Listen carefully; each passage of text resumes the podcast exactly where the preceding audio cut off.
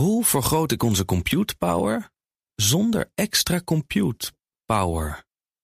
Lenklen, Hitachi Virtual Storage Partner. Lenklen, betrokken expertise, gedreven innovaties.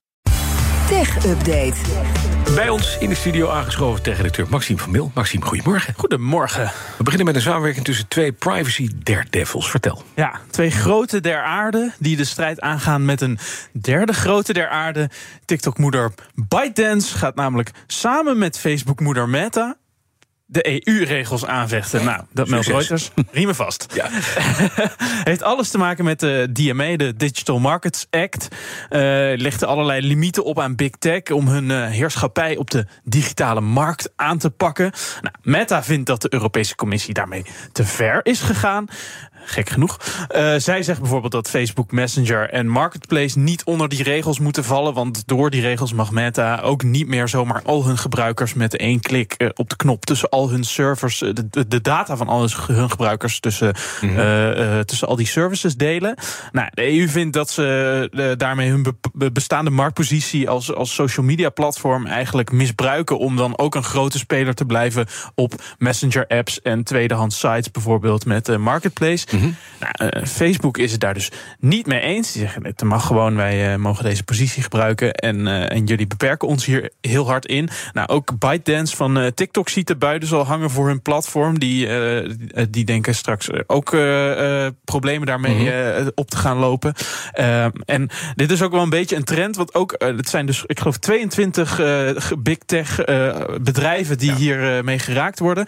En nou, die vinden het al, eigenlijk allemaal, zien die erbij uh, ook al hangen. Ja. Ook Apple heeft bijvoorbeeld al laten weten dat ze dat gaan aanvechten. Uh, of tenminste bepaalde delen, delen daarvan. Uh, ja, precies. En dat ze zijn waarschijnlijk. We zijn het helemaal eens met die Digital Markets Act. Behalve. Precies. Ze zeggen telkens. Ja, nee, we vinden het heel goed dat jullie dit doen. Maar, maar niet voor ons. Dit onderdeel maar. dat uh, moet uh, eigenlijk niet gelden. Oké. Okay.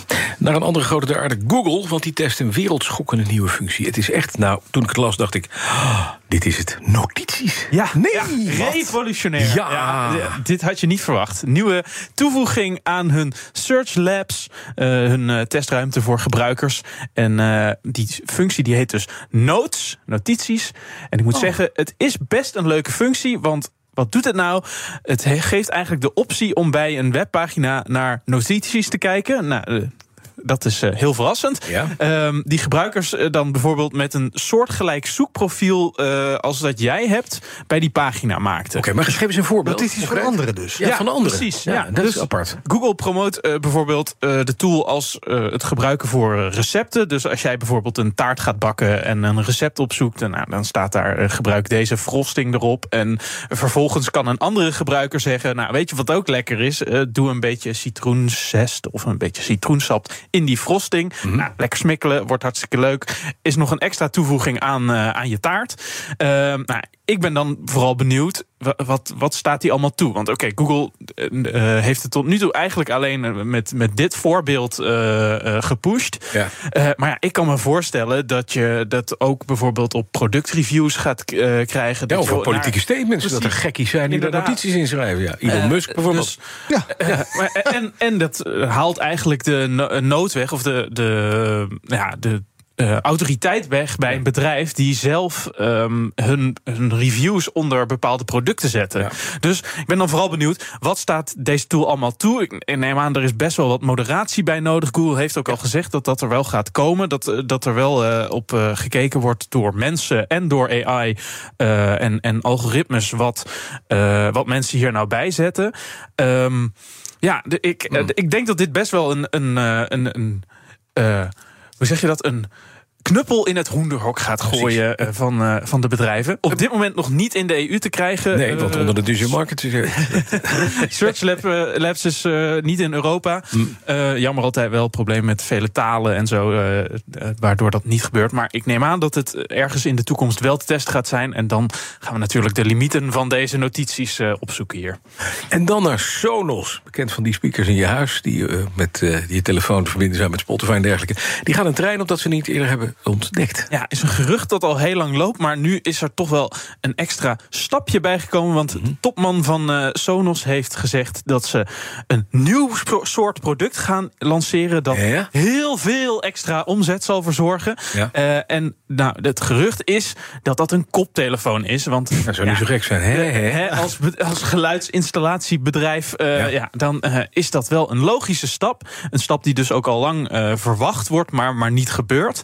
Eh, volgens de Sonos-topman eh, Patrick Spence gaat het om meerdere miljarden dollars aan omzet die ze eh, gaan krijgen daardoor. Er zitten ook al heel wat investeringen voor R&D in, zegt hij. En dat is dan weer iets waar, waar analisten op aanslaan en zeggen: dit, dit betekent dat er een koptelefoon komt. Want ze hebben bijvoorbeeld vorig jaar een Nederlandse start-up gekocht, eh Might, Ma- Mate, geloof ik.